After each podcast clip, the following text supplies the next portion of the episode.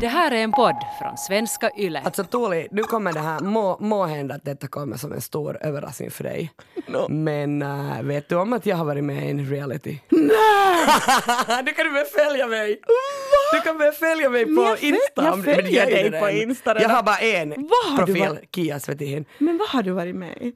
Okej, du Oh får, my du får, okej, oh du får gissa, men jag, jag ger lite tips. Du får gissa. Ja. Och det, det är sen alltså 2012, så det är länge sedan. 2012. Um, och det där och det där och det där. Den är, den är ganska känd, den här realityn. Och man I är, Finland? Man måste, jag, jag gjorde den för finsk TV, men Ja. man måste vara utomlands när man gör den. Man måste, alltså, alltså herregud, inte vet jag, hade Paradise Hotel. Nej! Oh my god, jag skulle aldrig få vara med. Okej, till, en till. Amazing Race! Nej, okej, nej. Fångarna på fortet, jag var med i Fort Boyard. Är det sant? Ja! Men alltså det, där, det det, är så där tack för att så... säga det till österbottningar, för att ni har ju faktiskt sitt på det. Jo. Alltså, menar, när de ringde upp mig och frågade så här, skulle du vilja vara med i Fort Boyard? var jag så här, i Fort vad?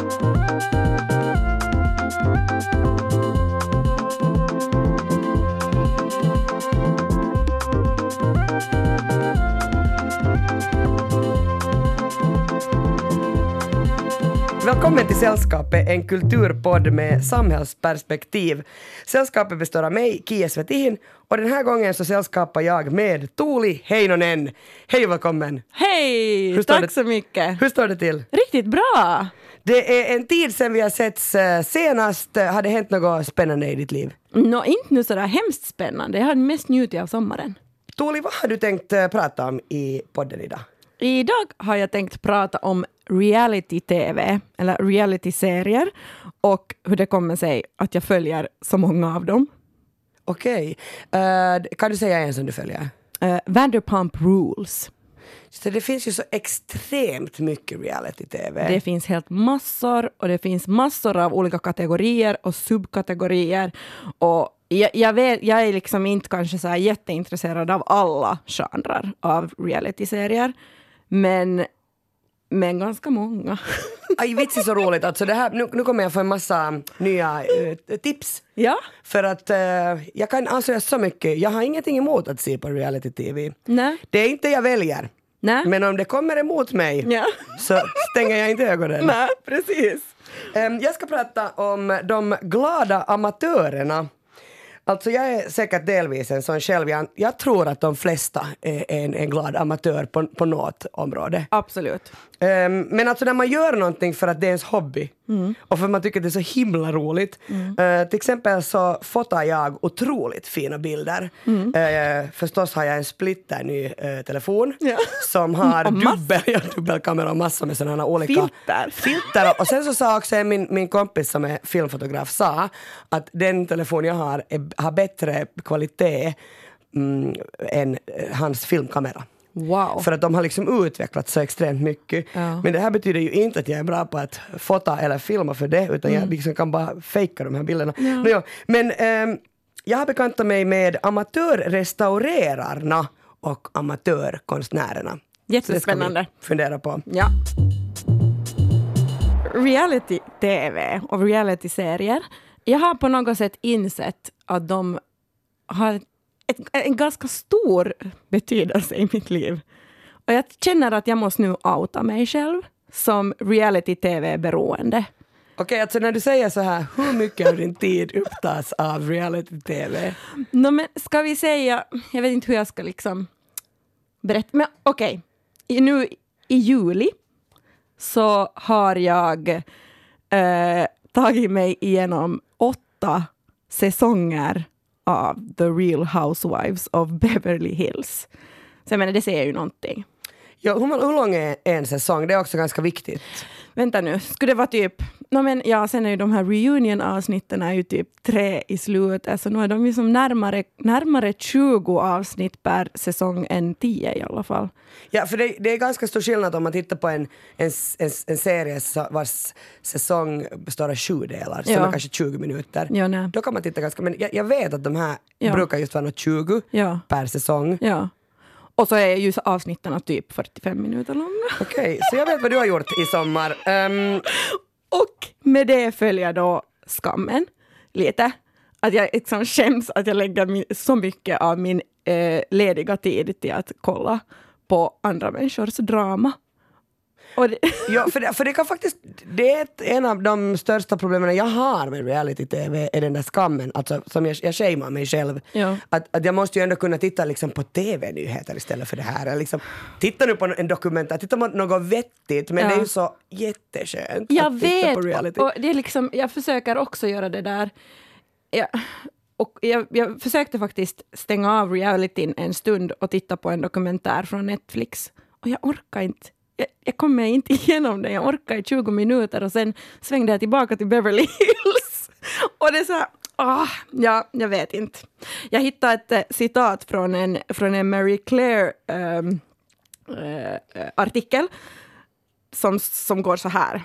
All reality television, a stellar way to ignore the state of the world and focus on what's important, other people's drama. Och det är exakt vad jag gör. Alltså jag, jag försökte kolla på en dokumentär om eh, klimatkrisen och Yes. och, och, det, och jag menar, det är jätteviktigt och det är jätteintressant. Men tyvärr, av någon orsak så är det mer intressant för mig att titta på Lisa Vanderpump som, som är sur på sina kompisar och alla är jätterika och de bara köper tre miljoner dyra b- bilar och jag funderar på när du säger det där att det är liksom ändå att, att du tycker om att titta på andra folks drama därför att då behöver du inte fokusera på ditt eget liv. Ja. Så hur mycket är det manusförfattat det där? ehm, typ no, Vanderpump? Ru- Vanderpump Rules. Alltså jag, jag vet inte ens vad det är men, men, men anyway. Okej, då okej, ska jag lite berätta.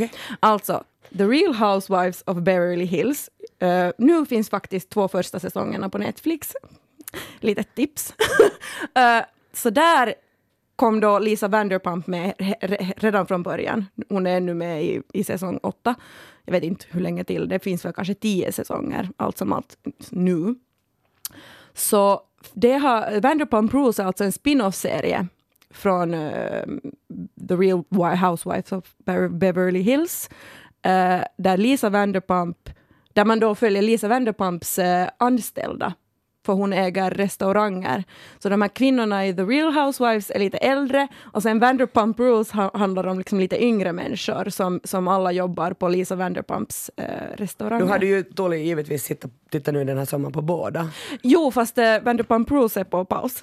Okej, okej. All right. Hold your horses. Hold your horses. Ja, och sen har jag liksom börjat kanske lite analysera hur det kommer sig. För att jag har vissa perioder där jag liksom slukar mer reality-tv än andra.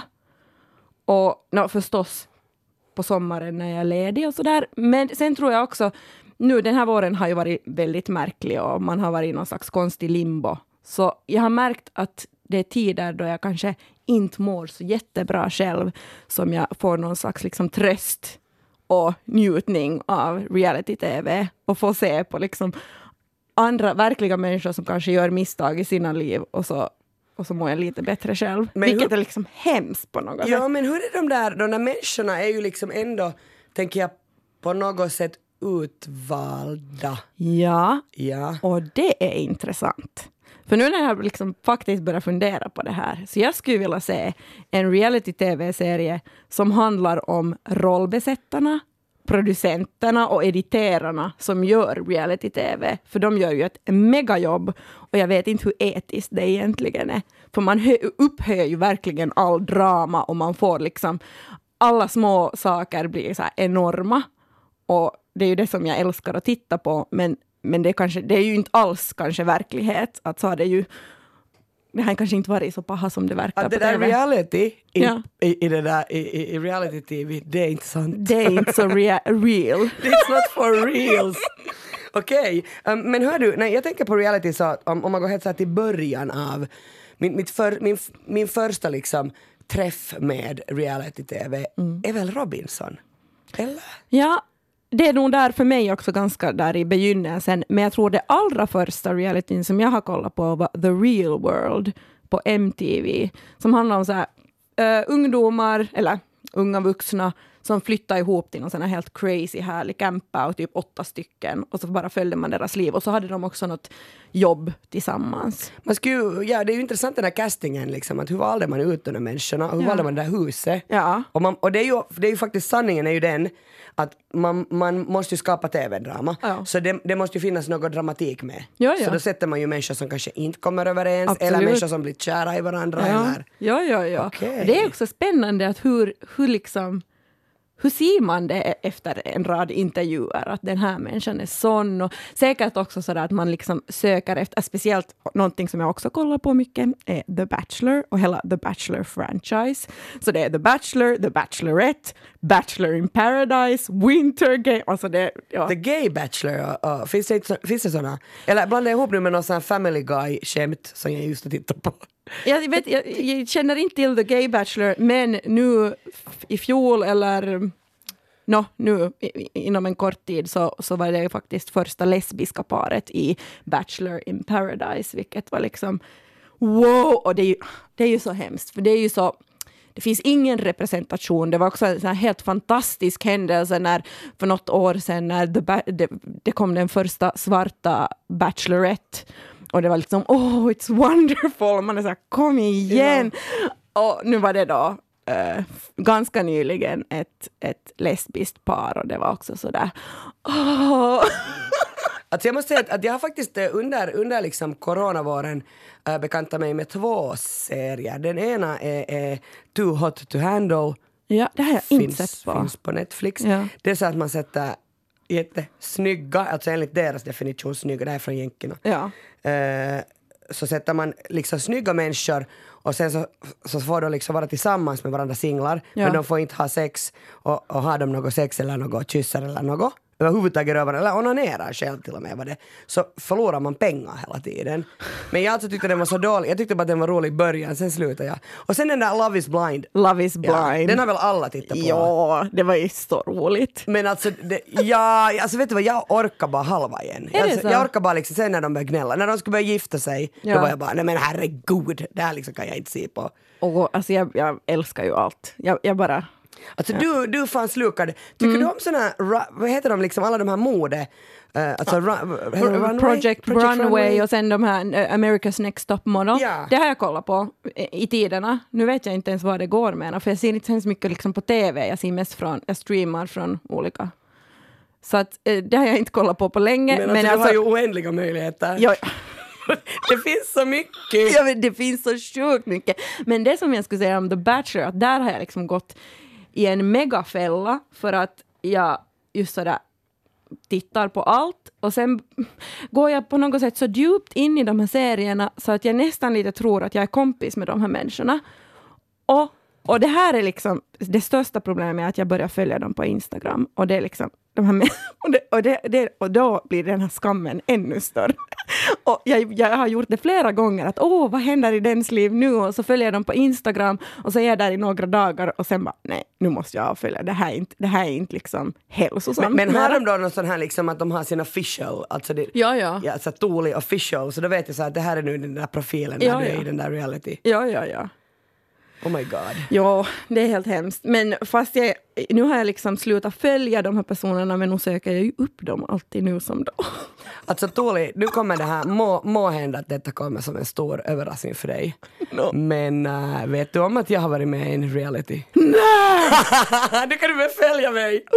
Du kan börja följa mig på jag Insta. jag om- följer jag dig på redan. Insta Jag redan. har bara en har du profil, varit- Kia Svetihin. Men vad har du varit med i? Okej, du Oh får, my du får, okej, oh du får gissa, men jag, jag ger lite tips. Du får gissa. Ja. Och det, det är sen alltså 2012, så det är länge sedan. 2012. Um, och det där och det där och det där. Den är, den är ganska känd, den här realityn.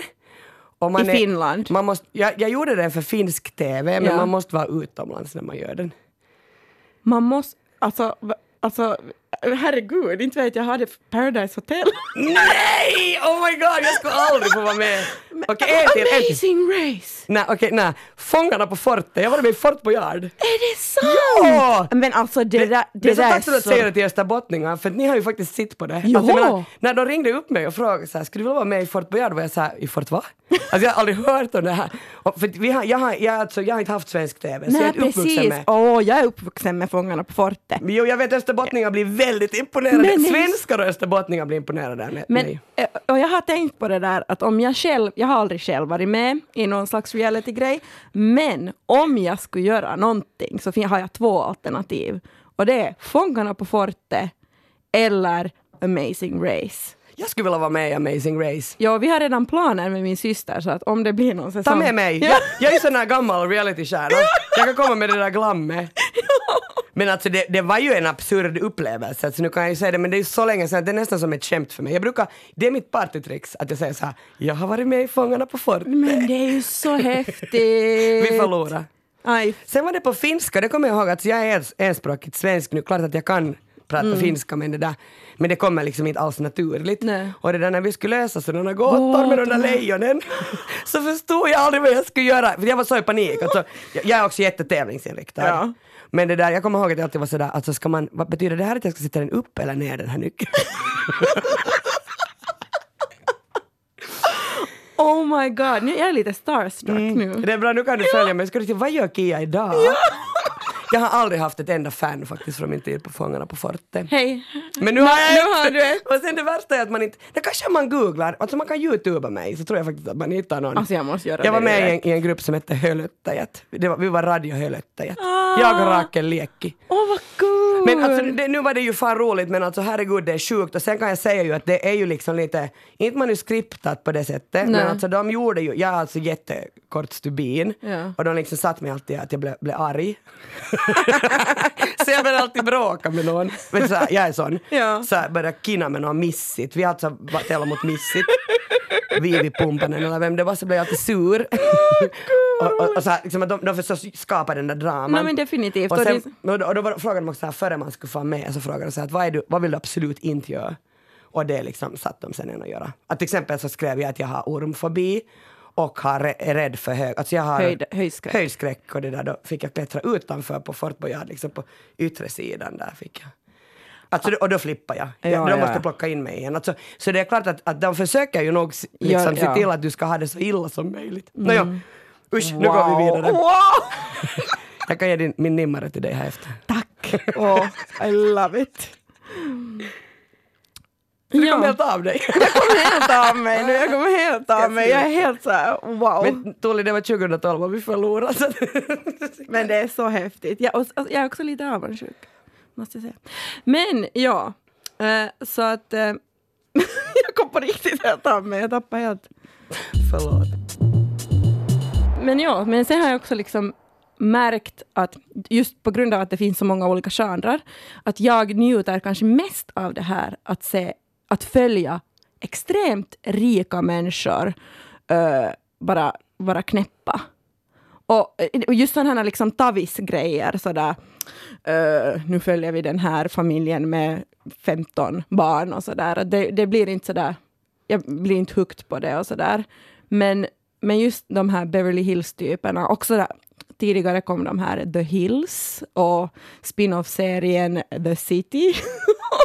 och jätte, liksom, rika ungdomar. Och jag bara, I love it. Men, men vänta nu, men, säg på nytt, alltså, du menar du att, att du tycker om när du, alltså där det, där det är människor som, som alltså du inte känner igen dig i? Eller när, som du känner igen dig? Nej, som jag inte känner. Nej, jag, är inte en rik människa. Nej, nej, alltså, Så men du, vill inte, du skulle inte kunna se på någon sån här helt bara Nej men jag tänker sådär uh, vaimot vaihtoon USA, så jag brukar titta, alltså Ah. uh, wife swap. Ja, wife swap. Och då ja. kan det ju handla om en ganska vanlig familj. Ja, ja. Och, det, no, okej, då, och de byter ju alltid mellan så här rik familj. Mm, men, ja. men, men jag kan tycka om det där när det handlar om vanliga människor. Ja, för jag, jag märker att jag liksom sådär, "Hej, men jag vet om det här livet, att jag behöver inte liksom, Aha, så att det blir, det okej. blir det är någon, någon slags sån här liksom escape för mig att, att titta på så här, sjukt rika människor och det, hur, hur de lever. Men vad är Inte det- så där att jag, jag, sku, jag märker att jag har inget behov av ett sånt liv själv, men jag tycker det är jätteintressant att följa det. Vad månne det som liksom är det där, vet du, som man skulle kunna ta i som är det där som du tycker att det är så Vet du när det är inte ditt, alltså det här, det här livet kun- kunde aldrig vara mitt. Mm. Dels för att man är ju liksom inte heller kanske nu ska jag inte vara fördomsfull men jag tänker sådär att som man är ju inte så dajo att liksom, jag vet inte om man ska vara så rik skulle man vara med i en reality. Ja, det vet jag inte. Men jag tror också att det handlar om att när man är så rik så vill man på något sätt bli rikare och de får ju bra med pengar för att vara med i sånt här. Att, jag, För jag tänker sån reality jag har följt med här nu, alltså nu låter det som att jag inte heller gör något annat än tittar på reality. En, en Du kanske inte gör jag, något Och jag har bara tittat på den sådär att den har varit på på Youtube. som handlar om ett par som seglar omkring med, med en baby. Ja. Och de gör det liksom, de har en båt och de har nu just kommit till Tobago, alltså jag har kommit så långt då, Ja. i mina delar.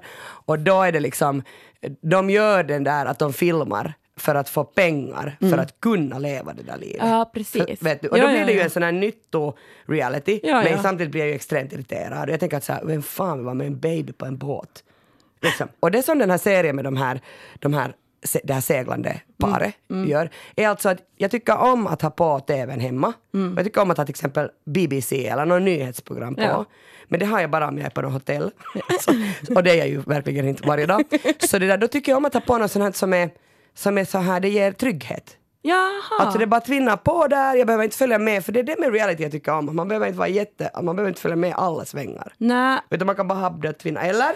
Nå, jag måste ju erkänna att jag vill se alla svängar och jag kan inte ha, jag kan inte ha någonting på i bakgrunden. Så, musik, men alltså just så att tv-mässigt så måste jag liksom sitta och hänga med. Okej, så du är liksom sådär att du, du tyckte inte om den här kommentaren jag just sa nu, att man bara kan ha det på. Nej, nej, och jag är liksom, eller ska vi säga, jag är lite avundsjuk att du kan göra så, Ja. för jag kan inte, jag måste ha fullt fokus. Oh my god, du Ja, sätter ja. så mycket tid ner på det här Ja, Tony. men jag gör det och det är problematiskt och jag skäms och det är jättejobbigt.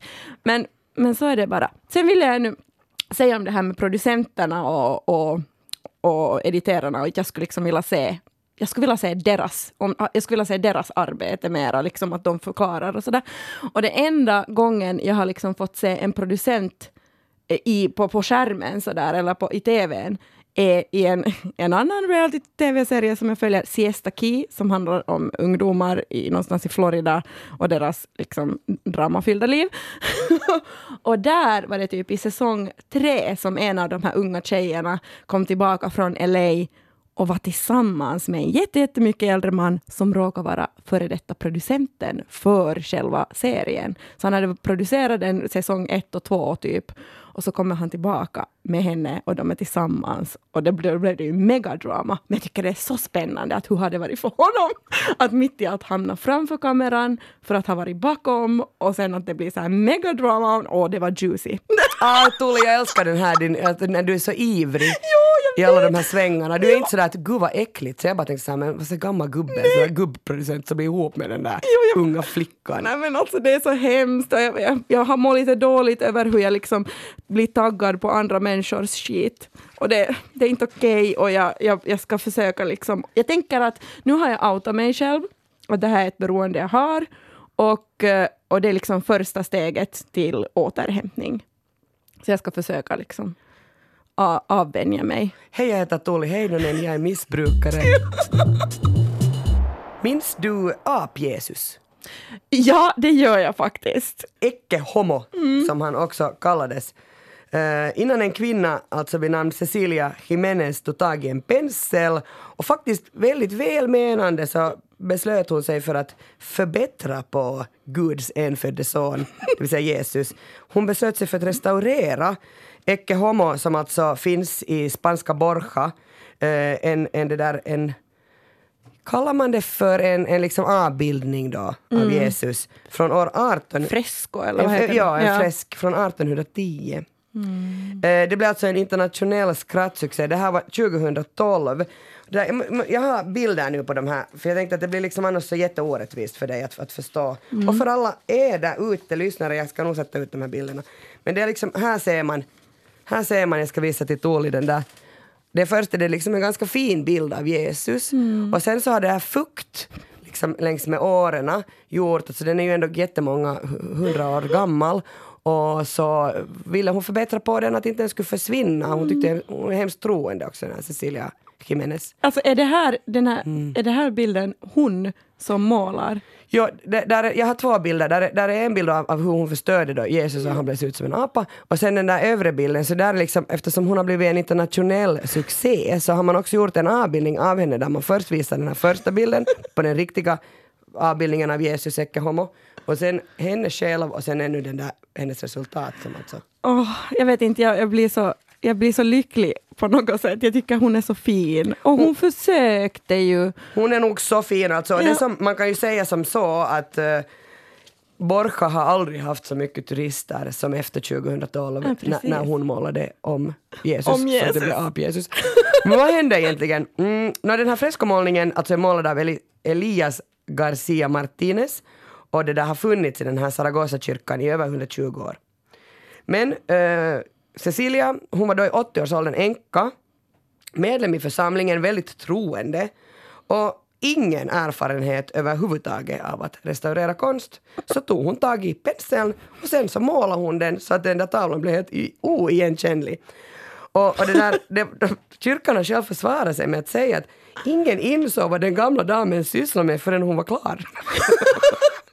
Men hade hon liksom fått lov ändå? Nå, nu, nu antar jag väl att hon hade fått lov, vilket jag tycker att är lite konstigt. Eh, men uh, okej, Borja var liksom jättekänd tidigare bara för sina utsökta viner och att de har sådana hus från 1500-talet. Men det har alla skit i idag, för idag vallfärdar alltså folk för att titta på den här ap-Jesus-avbildningen. Så det var en succé! Det blev en succé, alltså man kan ju nog säga att det här är en, en solskenshistoria. Eh, Hon började alltså arbeta med att applicera jättetjocka färglager på ursprungsbilden.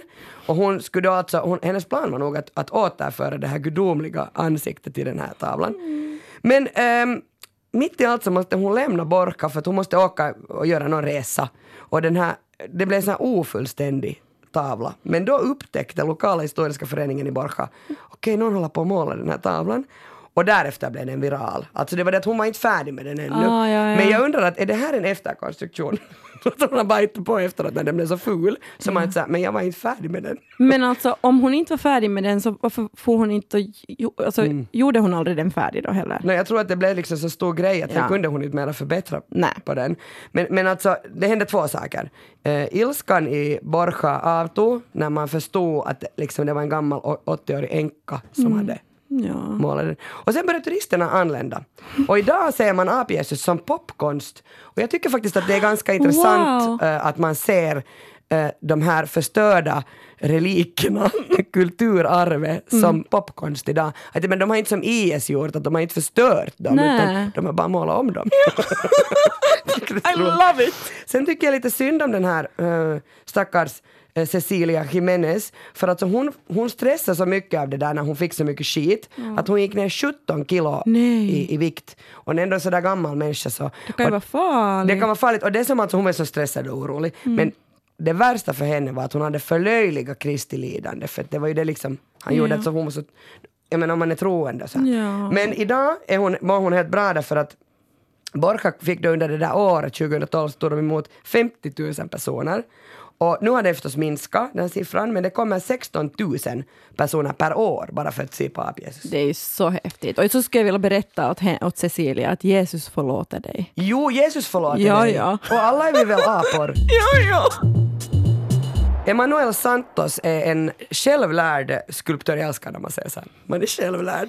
Eh, på riktigt så jobbar han på flygplatsen på Madeira ja. som städare. Ja. Men han blev jättekänd 2012 17 eh, för att då fick han eh, göra eh, Cristiano Ronaldos byst som man skulle sätta upp där på flygfältet, internationella flygfältet uh-huh. på Madeira för att man bytte namn då på det till Cristiano Ronaldo International Airport. Uh-huh. Ronaldo kommer ju alltså från ja. Madeira. Men problemet alltså var det att den här bilden på Cristiano Ronaldo är alldeles otrolig. Eh, nu är det alltså, vi talar om alltså en skulptur, det är Ja. inte en målning. Ja. Att liksom ingenting är i proportion på det, på det här Oh my God. på Cristiano Ronaldo ser ut. Visar jag här en bild till Tuuli igen på Cristiano Ronaldo. har Liksom, Men hjälp! ja, kan du förklara vad du ser? Uh, Du kan tänka dig hur han ser ut på riktigt då? ja, alltså det verkligen liknar ju inte honom alls. Snett. Väldigt snett ansikte. Och som att han skulle vara lite blind i ena ögat. Ja, det är så den där ögat liksom är helt snett på hans... Och kinderna är helt sådär deformerade. Det är ett deformerat ansikte i princip. Hela hans liksom, alla hans, alltså äh, näsa, ögon och mun är liksom på ett ställe, på samma ställe i ansiktet. nå, den här, eh, han, han, förstås alla de här amatörrestaurerarna och konstnärerna, Mm. de mår alltid sig jätteilla när man är sådär att den här är ful. Mm. Och det är kanske det som jag vill komma åt, liksom att, att det är på något sätt så naivt att de tror att de är jätteduktiga. Ja. Att jag kan liksom säga mm, att jag har lärt mig så pass mycket. I mitt jobb som journalist så har vi ju också måste börja fota ganska mycket. Mm. Men jag blir inte jättesur om en fotograf säger till mig så att du har helt missat liksom att din kompositionen är fel på din bild eller något. För Ja, jag är ju faktiskt inte en fotograf även om jag har en bra kamera. Nej, och det, det handlar väl om det där att, att i vilket syfte man gör sin konst på något sätt. Att om man är amatör men ändå gör ett professionellt jobb så då borde man kanske vara redo för kritik Mm. på liksom en professionell nivå, tänker jag. För att sen kan ju vissa amatörer vara helt fantastiskt bra. Nu, de här skulpturerna och målningarna kanske inte var så jättelyckade, men, men, men de ändå har gjorts till... Det känns som att jobbet har varit liksom på professionell nivå, tänker jag. Mm, den här uh, Emanuel Santos fick sen göra om den här, alltså han fick några år senare göra, eller något år senare faktiskt kanske bara göra om den. Eh, och det där, han säger själv att han, att han tyckte jättemycket om den första, att han är jättestolt över den, han skulle aldrig liksom göra, o- göra om den, att han skulle alltid göra på samma sätt. Och Ronaldo har själv sagt att han tycker jättemycket om den. men, Vilket jag tycker är jättekonstigt. men, men det är också underbart. Alltså jag vet inte, jag tror jag skulle också vara helt glad om någon skulle ha gjort en skulptur av mig som inte alls liknar mig och jag har Ja. ett, ett deformerat ansikte men det är sådär hej, härligt. Här är det. Tack. Men hör du, varför pratar jag om det här? Nå jo, för att i juni i år så hände det igen! Att man amatörrestaurerar om uh, kulturarv. Ja. Eh, händer i hela världen, men att, men att jag tycker det händer mycket i Spanien eh, och, och i, i Portugal, alltså Sydeuropa. Ja. Ehm, I en, alltså faktiskt barockkonstnären Bartolomé Esteban Murillo, så han hade en sån jättekänd målning av Jungfru Maria. Den heter eh, Immaculate Conception, alltså det är en katolsk lära. En möbelrestauratör i Valencia så fick faktiskt 1200 euro av ägaren till den här konstverket. Så, som var faktiskt en kopia men ändå mm. vacker, jättevackert konstverk. Och så sa han, skulle du kunna liksom göra Jungfru Maria ren och fräsch? Och för två... den här, den här restaurören, jag tycker det är så roligt också att restaureraren restaura... Fan, nu måste jag säga det här rätt. Restauratören, han var en möb, han gjorde möbler men han fick ändå alltså göra om ett konstverk. Okej. Så efter två försök så lyckades han få originalet bli oigenkännligt. Oh, Det är så roligt att de, wow. liksom, de förstörde alltså totalt. Oj nej, Och det där, har nu du för att göra det någon rättvisa i världen ska jag visa också denna bild till dig. Och den, den är nog alltså, det är den mest fruktansvärda tycker jag av dem alla. Det är så här, berätta, där är liksom Vänta är det, det här är tre stadier. bilder, så det här första är Första liksom är originalet originalet. Den, är en vacker bild av Jungfru Maria kan man är det här säga. liksom första försöket och det här andra? Ja. Men hjälp, okej jag vet inte vad jag Alltså ska det ser ut som om min femåriga son ska ha fått måla om den. Ja, va, verkligen. Eller som att man gör parodi på det. Jag, jag funderar på det de här, eh, de här när man säger också att det är popkonst sen mitt i allt, så det är ju för att det är så ironiskt, liksom att de ska göra det ironiskt när de gör det. Ja, oj nej. Oj, Vet du, det är lite Basquiat vet du, nästan över det. Jag kan inte... Alltså som, i, i sig självt är de ju lite sådär roliga. Men Alltså, de är att, roliga? Ja, men att sen när man vet vad, vad liksom ursprungstanken har varit så har det kanske inte riktigt blivit rätt. Jag lovar, de här bilderna kan ni se sen i, i liksom hänvisningslistan och vi ska sätta ut foton, Ja. men man kan också bara googla det. Ja. För att det finns. Men, men alltså, nu har spanska staten varit sådär att okej, enough is enough. Nu får ni fan sluta.